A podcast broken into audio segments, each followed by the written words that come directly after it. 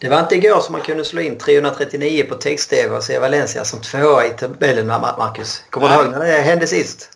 Eh, det gör jag faktiskt inte. Det känns som att det kanske var ett tag sedan. Jag trodde också det var längre sedan än det var faktiskt. Men det var november 2014, Nunos första höst i Valencia som det ändå gick hyfsat okej.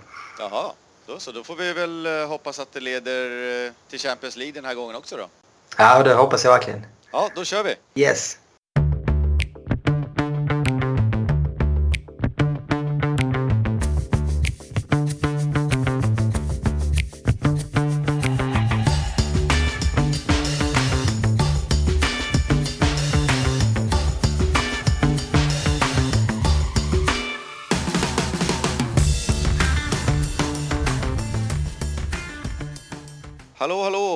Välkomna till avsnitt 5 av Valencia-podden med mig Marcus Timonen och Niklas Hermansson. Hur är läget? Ja, det är bara bra. Man är nästan fortfarande i extas idag. Det har knappt gått 24 eh, timmar sedan eh, krutröken la sig nere i Sevilla så att man är fortfarande hög på endorfiner. Ja, det är samma här. Vi spelar in det här nu på måndag eftersom jag ska ner till Valencia redan på onsdag så då har vi inte riktigt tid att göra det som brukligt på torsdag. Eh, men vilken match det var igår! Ja, det var helt galet. Eh, första halvlek kändes ju som eh, kanske den starkaste insatsen från Valencia så här långt, eller en av dem i alla fall. Eh, jag tycker att man, man dominerar tydligt spelet och man är otroligt stabila defensivt och då, då möter man liksom ett Betis som inte tappat en enda poäng på hemmaplan och man går liksom in och ja, i stort sett tar över deras, deras hemmaplan på något sätt. Så det var väldigt imponerande tyckte jag. Ja, jag tyckte första kvarten hade de lite tufft att få tag i bollen, men det är ju ofta så på bortaplan när som Betis har storpubliken och så. Men efter det så stabiliserade det sig. Jag tyckte 1-0 eh, speglar väl matchbilden och 2-0 eh, kanske lite överkant, men det satt ju fint ändå.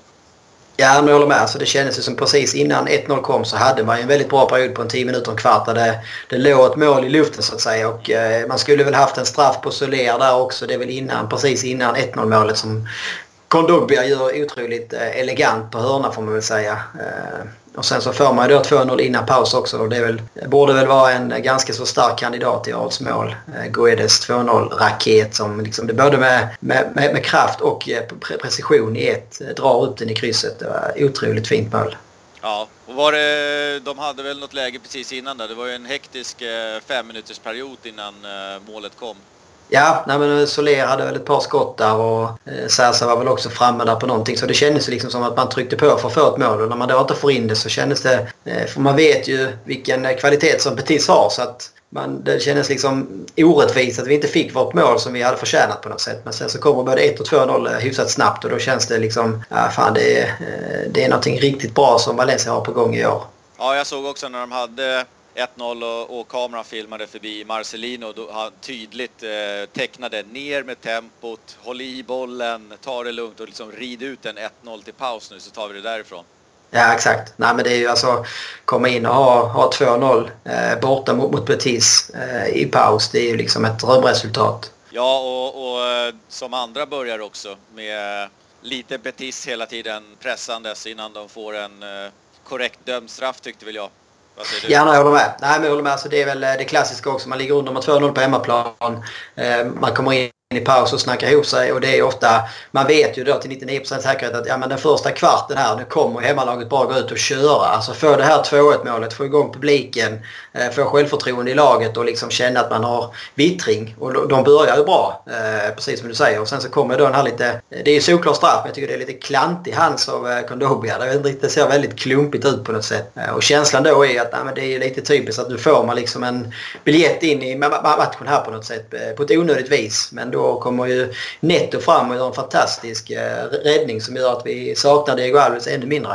Ja, han bar vidare just det arvet med straffräddningarna. Det är ju fantastiskt. Ja, nej, det, det, jag tycker att det är en väldigt bra straffräddning. Eh, han, han väljer liksom att gå till höger men han går ju så pass sent att han håller liksom kvar benen så att han kan ta den. Eh, straffen går ju nästan mitt i mål. Och han, gör ju, han, han får liksom fart i räddningen så det blir eh, nästan som en passning till kontring på något sätt och inte en retur som, som man kan raka in. Så att det var en väldigt fin prestation av Netto där. Ja, helt klart. Sen har vi Rodrigo tycker jag dyker upp som en eh, gubbe i lådan. Hade ingen vidare match i övrigt men eh, han nickar in det där snyggt. Exakt, det, det är väl det som känns eh, skillnaden på Rodrigo den här eh, säsongen jämfört med de senaste åren på något sätt. Att eh, nu även om man har en sämre match nu så gör han dels alltid jobbet stenhårt och nu, nu är han ju även där och, och, och knoppar in sina mål. Det var ju mål för sjätte matchen i rad för honom. Eh, femte då i Valencia som gjorde han sitt landslagsmål. Och det är en, en otrolig förvandling som han har gjort tycker jag. Man har ju sett att han har, han har ju talangen. Det såg man ju, har man ju sett eh, både i Valencia stundtals men så är det framförallt kanske i Portugal. Och nu liksom då när han har fått in en rätt tränare som tror på honom och som liksom kan se till att få ut maximalt av honom. Ja men då kommer också målen på något vis. Ja det känns lite som att det är den där sista 10-20 procenten som Marcelino lyckas få ut av honom var det matchen mot Sociedad eller tror jag, när han springer in i målvakten två gånger och nickar in den ena och får en straff på den andra liksom. De, de här grejerna sitter i år och förra året så kanske det var, fick ingen straff och, och nickade utanför. Just det, ja mot Bilbao hemma var det ja, Bilbao. Jag, vet, ja, jag vet precis vilken boll det är. Nej men det är ju så. Och det hänger ihop med, med självförtroende och att han liksom, han har fått göra några mål och då blir det liksom att ja men då tvekar du inte när lägena kommer utan då blir det en ryggmärgseffekt istället för att du springer runt på planen och funderar och liksom äh, grubblar. Fan har jag inte gjort mål och hur ska jag göra nu? Ska jag gå in i den eller inte? Och den halva sekunden är ju ofta skillnaden mellan, mellan att göra mål och få straff eller äh, komma för sent och det liksom läget rinner ut. Ja. Och sen avgjorde ju Santemina matchen. Eh med ett mål som man inte riktigt såg att det blev mål först. Nej, det var ju också en konstig, konstigt läge med matchen där på något sätt. Även om det kändes som när Netto räddar straffen så tappar ju Betis en del av sin, eh, sin energi på något sätt. Och jag kommer 3-0 ganska omgående på det så det känns som luften är på väg ur. Och sen så kommer Mina in och gör, han gör en bra prestation där på egen hand nästan. Han lurar sin försvarare och eh, sen så skjuter han ett skott. Jag tyckte först den var på väg mot hörna men den liksom seglar ju över på något sätt och in till 4-0 efter 74 minuter 0-4. Det kändes ju kanske inte helt eh, rättvist på ett sätt om man säger så att det skulle stå 4-0. Eh, men samtidigt så kändes det nästan som Valencias kanske mest kompletta 74 minuter i alla fall den här säsongen. Och även på, på många år skulle jag vilja säga. Eh, det är lite otroligt stabilt bakåt och extremt effektivt framåt. Ja, och eh, Morio Murillo gör ju en fantastisk match eh, tillsammans med Kondogbia tycker jag med mycket bollvinnande och Murillo gick ju in i, i glidtacklingar och närkamper som man har sett på när han var i sina bästa stunder i Inter. Ja, nej, Mori, jag vet inte om han tar ett enda steg fel igår. Jag tyckte han var helt, eh, helt klockren och en riktig försvarsgeneral där bak. Och han är så otroligt lugn och säker med boll också. Det är inte bara den här försvararen som är, är stenhård i duellerna och sen har han liksom två, två träben när han ska slå en passning. Utan han har, han har allt som försvar tycker jag och kan börja mer och mer växa i Valencia-tröjan också. Så det känns som ytterligare en eh, grymt bra värvning faktiskt. Och sen kommer ju ett helt ofattbart ras. Som, eh, den, där, den såg inte ah. jag komma helt enkelt. Och uh, kommentatorn där var inne på att det började, att det var Parejos fel. Det var hans hemåtpassning som, som anledde. Ja, nej, men det är, alltså, det är avgjort ju. Det står 4-0. Det är liksom eh, drygt 10 minuter kvar. Eh, publiken börjar gå hem alla, alltså alla på planen känner att nej, men, alltså, nu ska vi bara spela av det här. Eh, jag, jag, tycker också att det hänger lite grann ihop med att Morio går ut. Han fick ju någon, någon, någon slags känning, om det var kramp eller vad, vad det var. Eh, Gabriel kommer in där och Parera kommer in för Solera. Det, ingen, det, är, det är klart, det är inte heller superenkelt att komma in i en match som står 4-0 och där tempot är helt dött och det är, liksom, det är svårt kanske då själv också att försöka eh, komma in och vara peppad och, och, dra igång någonting. Men jag tycker de, de, de gör två riktigt svaga inhopp. Eh, sen så är det en otroligt loj Parejo-passning eh, som bjuder Camel på 4-1 och Camel var ju liksom då också inhoppare i Betis och han var ju pigg och ville göra någonting. Så det känns ju då när 4-1 kommer så det, det jag framförallt tänkte på att det var extremt onödigt och synd om Netto att tappa sin nolla. Eh, men sen kommer ju 2-4 direkt efter när Nacho eh, tappar linjen på när man försöker ställa offside. Eh, och Netto kommer väl lite tokigt ut där känns det som också. Och sen bara två minuter senare så är det 3-4. Och liksom helt plötsligt så kokar hemmapubliken och liksom känner att ja, man har fått vittring. Och Valencia så blir tre mål på fem minuter då. Och liksom det, det, känns som det är Valencia som vi såg i fjol kanske. Att det kan hända precis vad för något som helst.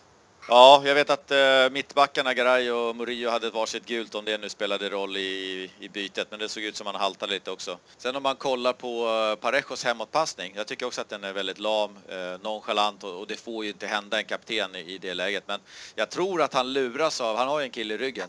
Eh, Campbell kommer ju springande Eh, från Parejos höger. Jag, jag, är inte helt säker på att han ser honom. För att han lägger nog en passning tillbaks till mittbacken som han tror är bra. Och sen kommer högst upp bara Campbell springande.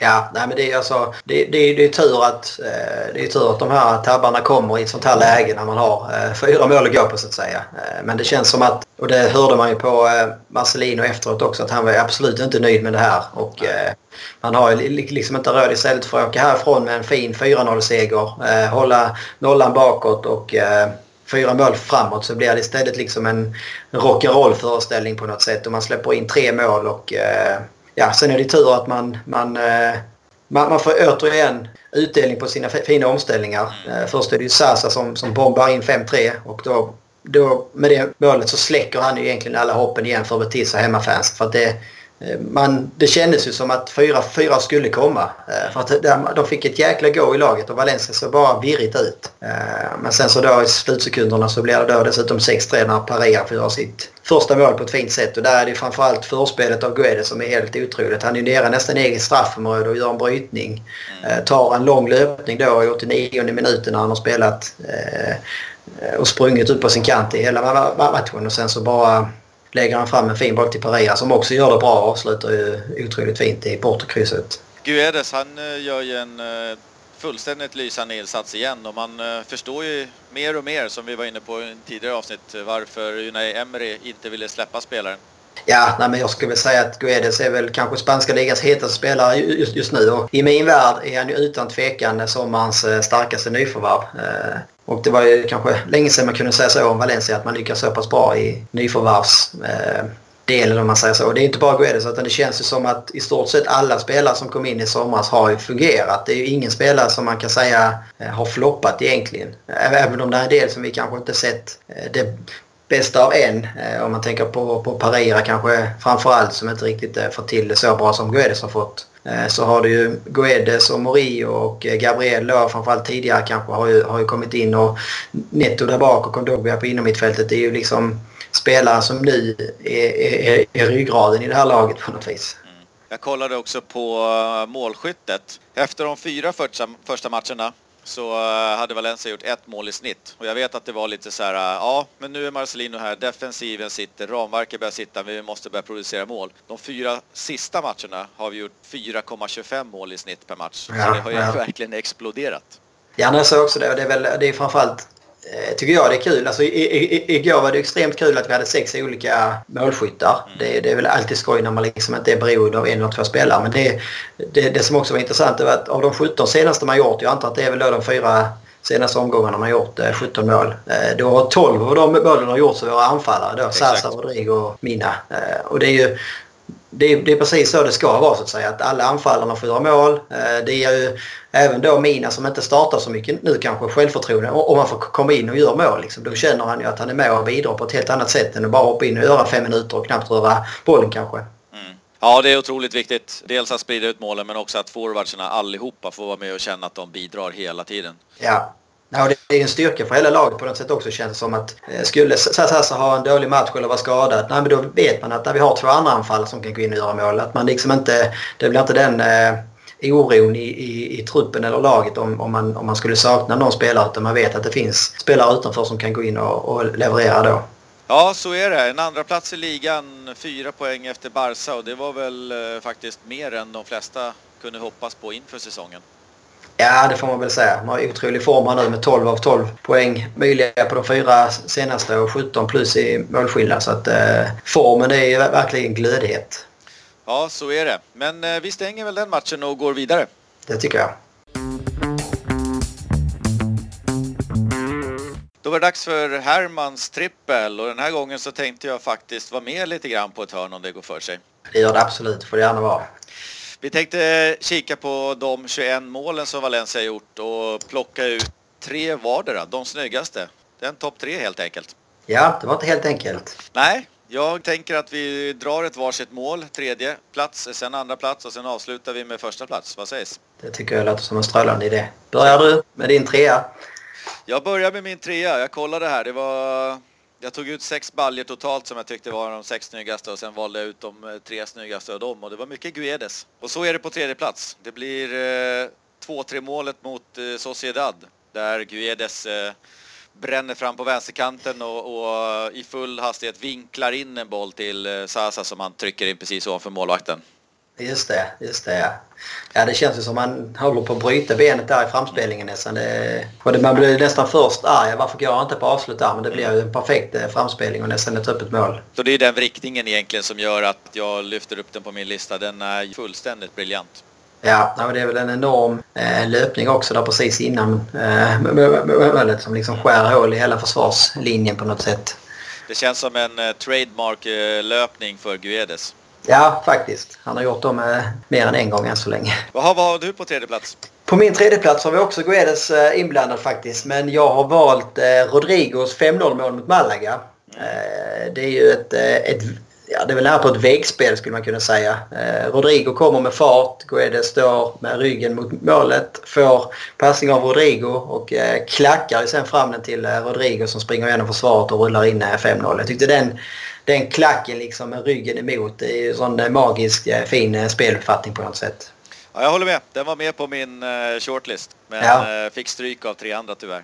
Ja, nej, men det var tufft som sagt. Eh, det skulle, eh, det skulle lika gärna kunnat vara eh, tre, fyra till som man skulle ha med på sin topp tre. Men jag tyckte den, just den spelfattningen och framspelningen och det är, liksom, det är även, man ska ju inte bort, bortse från Rodrigo helt och hållet i det även om det är kanske Guedes magi som gör det fina här. Men Rodrigo fullföljer ju löpningen och ser ju att det, det, det, det är precis det som Guedes gör, precis det som Rodrigo vill om man säger så. Så det är otroligt fint samspel de två emellan.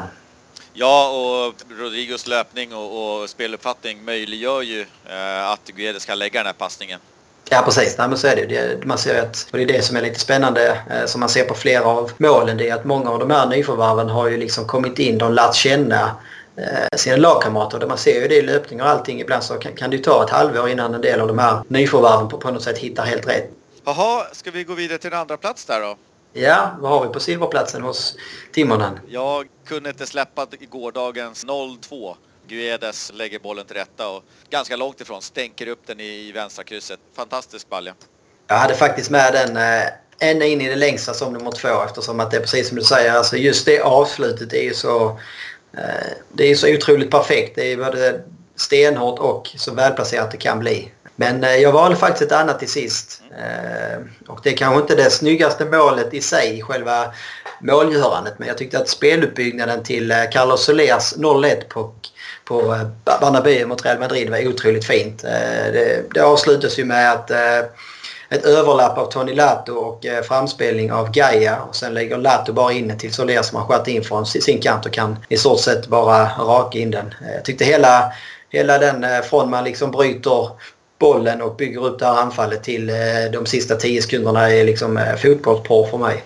Jag håller med och, och, utan att gå händelserna i förväg så kan jag väl eh, kliva in på min första plats och det är just det målet. Eller var det. ja. ja, jag tycker också det. Det känns som att, att de känner varandra sen, sen tidigare år i, i ungdomsleden och med när de, det känns som att Gaia och Lato nästan kollar på varandra. Ta löpningen nu, jag går in och så vet de precis var de kommer och någonstans så, så sticker ju Carlos Soler igenom en fem, sex eh, defensiva spelare i Real som står stilla från sin högerkant. Bara skär igenom och blir helt ja. fri. Nej, det är det man ser när han slår in. Liksom, precis som du säger så står det fyra, fem eh, vita realspelare runt omkring honom. Men det är ju ingen som riktigt har hunnit uppfatta löpningen mer än då Tony Lato egentligen. Och det blir ju extra fint när det är de här tre spelarna som är inblandade också i den sista eh, touchen om man säger så. Med Gaia, Lato och Soler.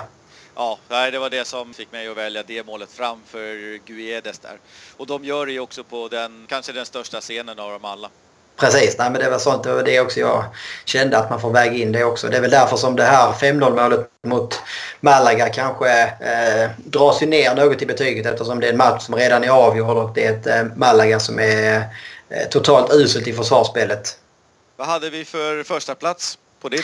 Jag är ju ganska svag för eh, den här typen av mål som jag har valt som etta och det är faktiskt eh, det målet som vi var inne på innan här. Det är Rodrigos 3-1 mål mot Bilbao när han då eh, går i, i duell med målvakten på ett inlägg som är sådär eh, det ser det är ju sådär mellan långt eller kort så att säga. Så målvakten försöker ju komma ut och eh, satsar helhjärtat. Eh, men jag tycker att Rodrigo visar ett sånt otroligt mod och samtidigt en vinnarskalle liksom att gå stenhårt in i den duellen och bara tro på att jag kommer vara först här. Eh, och veta också någonstans i bakhuvudet att är jag en halv sekund sen, ja då kommer jag få en knytnäve rakt i ansiktet. Eh, och det är liksom, det är ju inget, det är inget drömmål som, som Guedes eh, långskott i krysset men eh, jag tycker också att eh, den typen av mål på något sätt det gör någonting med mig. Eh, att man visar det hjärtat och den inställningen liksom och är beredd att offra sig för, för laget på det sättet som jag tycker Rodrigo gör där och får då utdelning för det.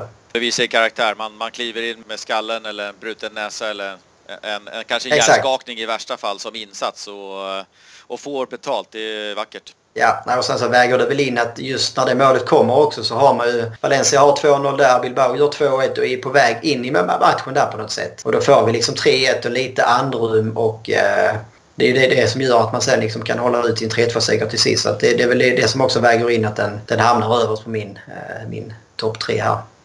Ja, då tyckte vi väl eh, hyfsat lika. Båda tog med Gaia Lat och Soler-målet i alla fall och sen hade vi lite blandat i övrigt. Ja, nej, jag hade med eh, både ditt, eh, ditt 3-2 mål där och även Guedes 2-0 mål var med som bubblare. Eh, jag hade även med Pariras 5-0 igår. Jag tycker också det är ett väldigt fint, eh, fint avslut över honom också som vi nämnde innan. Eh, eller 5-0 mål, 6-3 mål. 6-3 blir det.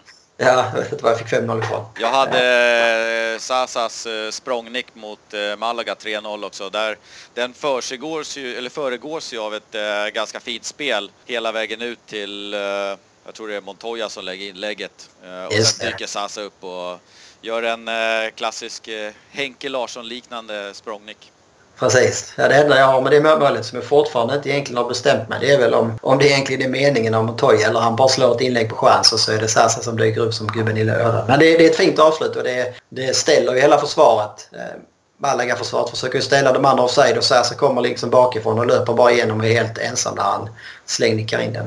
Ja, och där kommer ju Guedes också. Det är lite mer eh, defensiva spelare i Malaga på plats men han eh, kör ju en fantastisk eh, chip till eh, Parejo som egentligen kan lägga inlägget men han, han möter sin motståndare, vänder tillbaks och lägger väl en till Montoya innan inlägget kommer. Precis. Just uh, Guedes chip där, det, ja, han, han är duktig. Det är min nya favorit kan man ja, säga. Ja, det har varit många fina anfall i år, det får man säga. Då så, då stänger vi eh, trippen för den här gången med, med ett par snygga mål. Jag tycker också att ni kan väl, eh, som lyssnar på det här, ni kan väl minnas tillbaks och, och kolla på Youtube och inte annat och kom in med din egna lilla topplista. Får vi se om vi kan få in någon på Facebook eller Instagram. Eller varför inte på mail. Så uh, hör av er med er topplista så får vi se om det liknar våran eller om du har glömt någon balja. Precis, såga gärna oss om ni tycker vi är helt fel på det. Ja, vi, vi tål en sågning. ja, absolut. Sådär, då annonserar vi lite snabbt att Pandoras ask får stå och gosa till sig en vecka. Eh, och vi går direkt istället på helgens hemmamatch mot eh, Sevilla. Det blev väl en eh, riktig smällkaramell? Ja, det får man säga. Det duggar tätt med toppmatcher här nu. Får vi se om man kan följa upp och spöa det andra Sevilla-laget på samma sätt som vi gjorde med Betis igår här. Ja, det vore ju mumma. Det känns ju som att det är ett Sevilla som på sedvanligt sätt är bra, men kanske inte riktigt eh, i stor form.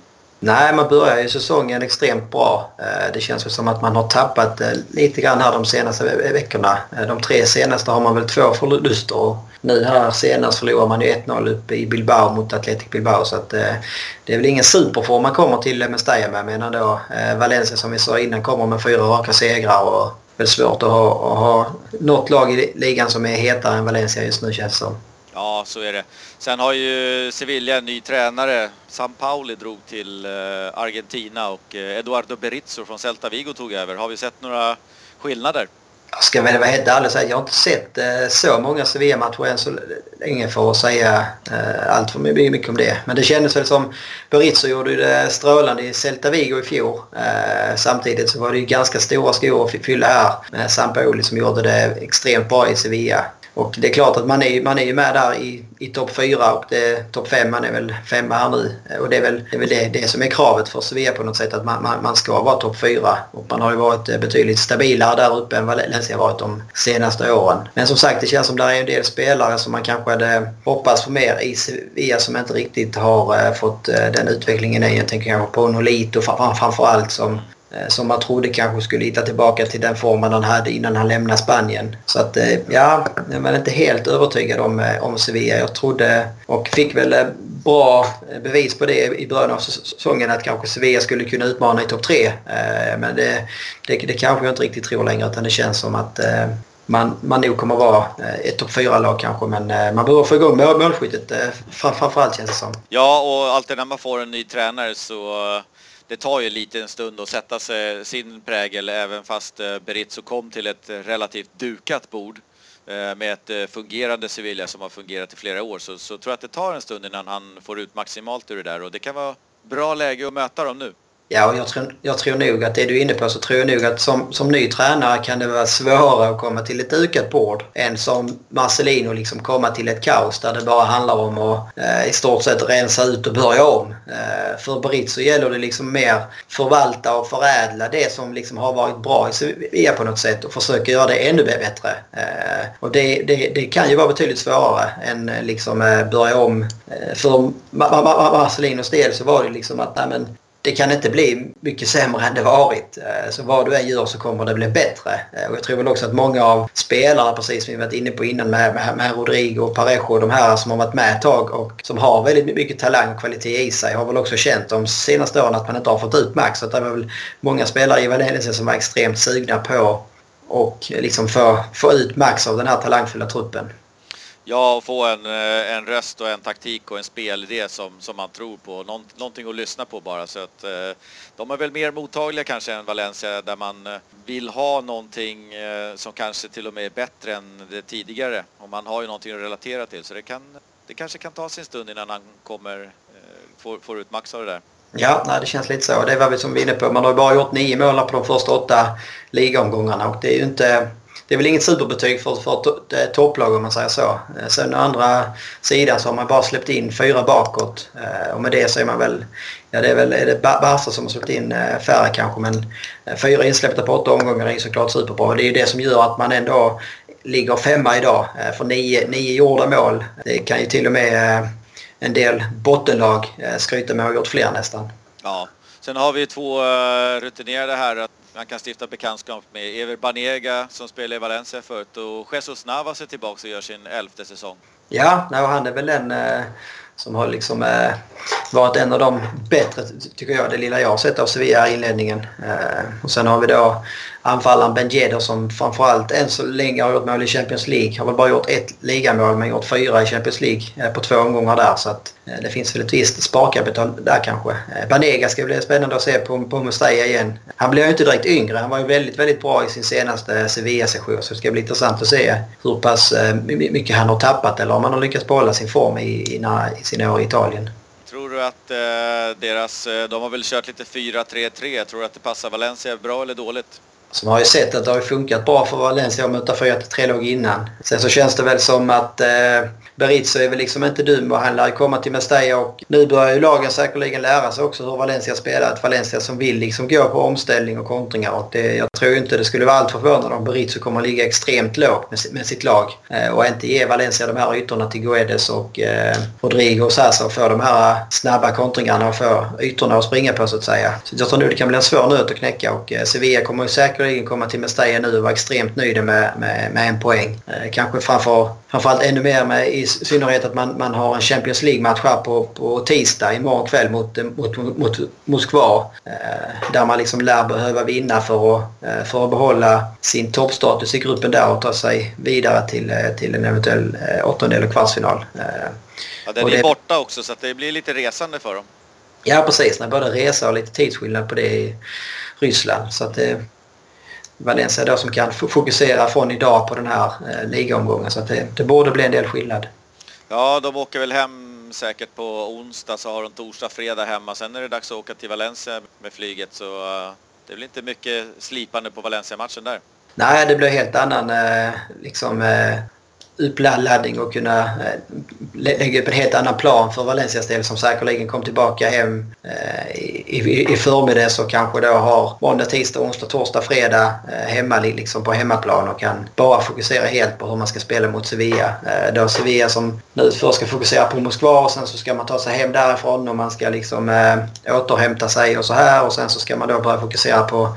För deras del är det otroligt viktig match. Jag menar skulle Valencia vinna, vinna på lördag så skiljer det plötsligt fem poäng mellan Valencia och Sevilla i toppen. Eh, och då börjar ju Sevilla tappa också till, till topp 4-lagen på något sätt. Så att jag tror att de, de är väl väldigt rädda att Valencia ska springa ifrån här nu.